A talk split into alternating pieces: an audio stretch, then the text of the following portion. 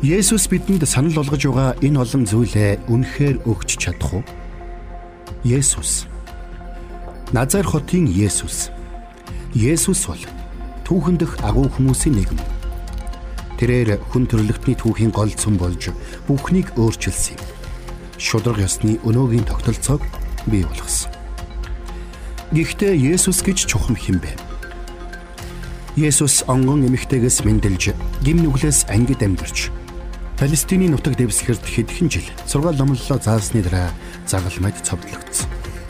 Харин загалмай дээр амиа алдаад 3 хоногийн дараа үхлээс амилж доод тал нь 500 гаруй хүнд амьдаар харагдсны дараа удалгүй тэнгэрүүд одсон юм.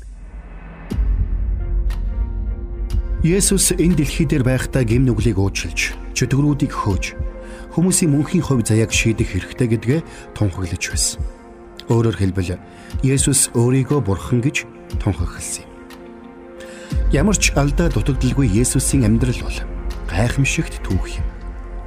Зарим хүмүүст магадгүй энэ түүх идэхэд бэрх дэндүү гайхалтай байх.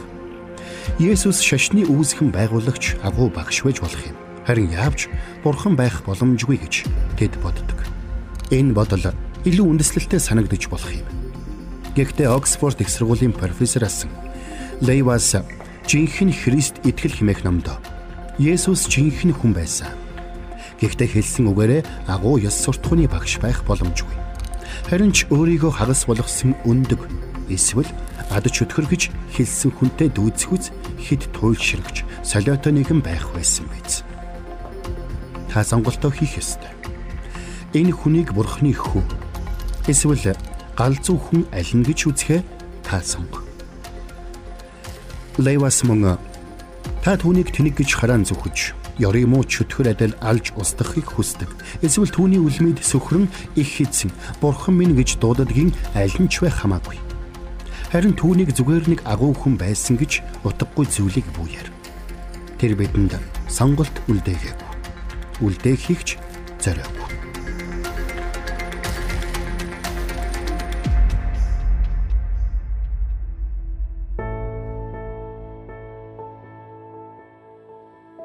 Үлгэр домгүй. Есүс бол бурхан гэдг нь анхны итгэгчдийн төсөөллийн үлдээсэн улам үр төдий зүйл үү? Христийн дагалдагчид Библиэд өөрсдийн зохиосон зүйлээ нэмсэн үү? Тун сонирхолтой байж болох ч Библийн ихэнх судлаачид сайн мэдээний эхний 3 номыг Есүсийн амьдарч байсан цаг үед бичсэн гэдгийг хүлээн зөвшөөрдөг. Болсон бүх зүйлийг нүдээр харсан олон гэрчнэр амьд цэрүүн байсан учраас хэрв тэд худал зүйл бичсэн бол мэдэх байсан. Гэвч тийм зүйл болсон тухай баримт огт байдаггүй. Үнэн дээр шинэ гэрээний бичвэрүүдийг нотлох баримтууд эртний бичвэрүүдийн ямар ч олдвороос илүүтэйгээр олддог. Жишээ нь эртний грекийн түүх судлаачид Пелопонезианы дайны тухай хамгийн эрттэй 1300 жилийн дараа бичигдсэн Тукидайдын ердөө 8 гар бичмэл дээр тулгуурлан судалгаагаа хийхээс өөр аргагүй байдаг. Харин Библийн судлаачид шинэ гэрээний 20 мянга гаруй гар бичмлийг ашиглах боломжтой бөгөөд ихэнх нь Есүсийг мэндэлснээс хойш 200 жилээс бага хугацаанд хуулбарлагдсан байдаг. Энэ бүхнийг дүгнэж үзэхэд анхны Христэд итгэгчид нутаг нэгтнээ хүний дүрээр ирсэн бурхан гэж итгэж хүндэлж байсантай маргах аргагүй юм. Үүнд эргэлзэх шалтгаан нэгэхэн ч олдоогүй нь биднийг өнөөж гайхшруулдаг. Харин хэрв Есүс өөрийгөө бурхан гэж тунхаглаагүй байсан бол орь ганц бурханд итгэгч тэдгээр хүмүүс яагаад түүний үлмэд сөхөрсөн хэрэг вэ?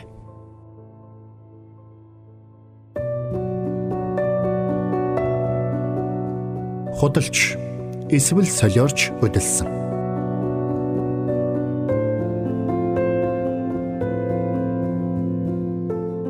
Тэгвэл Есүс өөрийгөө бурхан гэж тунхагласан нь үнэн ажээ. Түүний энэ тунхаглал үнэн эсвэл худлын аль нэг нь байх ёстой бид идэг хүү үл идэг хүү. Хэрв худал бол Есүс хуурам мэхлэгч ба хүмүүсийг төөрөгдүүлсэн гэсэн үг. Хэрв Есүс солиорч бодилсан нэгэн байсан бол өөрийгөө үнэхээр бурхан гэж итгэсэн галзуу хүн гэсэн үг. Бид аль хариултад нь итгэх вэ гэсэн сонголттой тулгарч байна. Хэрв бид Есүсийг хуурам мэхлэгч гэж үзвэл түүнийг мөн хорон муу хүн гэж хүлээн зөвшөөрч байна гэсэн үг. Гэтэл Есүс хүмүүст ямар ч золиосоор хамаагүй шудраг байхыг сургадаг байсан бөгөөд тэдэнд зовлон шаналлгүй мөнхийн амьдрал амлаж гим нүглийг нь уучлах эрхтэйгээ хэлдэг байсан. Ингэж хэлдэг байсан хэрнээ тэр хуурам эхлэгч байсан хэрэггүй. Тийм байх боломжгүй. Түүнийг солиорч будилсан хүн гэдэгт итгэх нь бас дэндүү боломжгүй мэт харагддаг. Есүсийн уг ба үйлдэлийн аль нь ч галзуу хүнээс гарах үг үйлдэлтэй тохирдоггүй. Түүний хамгийн хурц шүүмжлэлүүд хүртэл сургаал номлолыг гажуудуулж байгаагүй. Тэрээр бүх үйлчлэлийнхээ хугацаанд хурц мэрэгэн ухаантайгаараа гайхагдж байсан юм. Тэгвэл бид энэ хоёр сонголтын алинд нь итгэх вэ?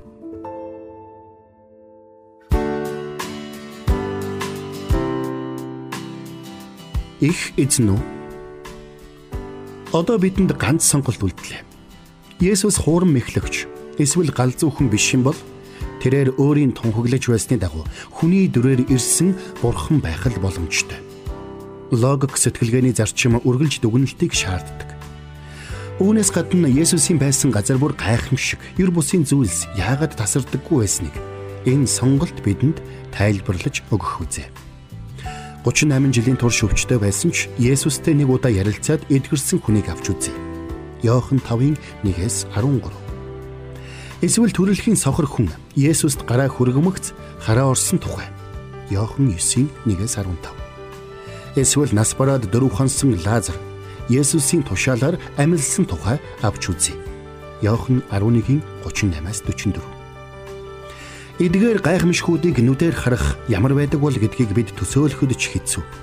Гэтэл Есүсийг хавчиж эсэргүүцэж байсан хүмүүс хүртэл эдгээр гайхамшгүүдийн гэрч болсон юм. Тэд хэвтэрт байсан хүн босоод алхахыг харсан бөгөөд Иохан 5:9-10 төрөлхийн сохор хүнээс хэрхэн эдгэрснийг нь асуусан байдаг. Иохан 9:8-аас 34 Есүсийг хэн болохыг мдээгүй зарим хүмүүс хүртэл гайхсанд нүгэлт хүн тийм тэмдгүүдийг хэрхэн үйлдэж чадах вүлээ гэж асууж байсан юм. Иохан 9:16 Харин төрөлхийн сохор байсан тэр хүн үннийг мэдэж байлаа. Хэрв энэ хүн Бурханаас ирээгүй юм бол үүнийг хийж чадахгүй байсан. Йохан 9:33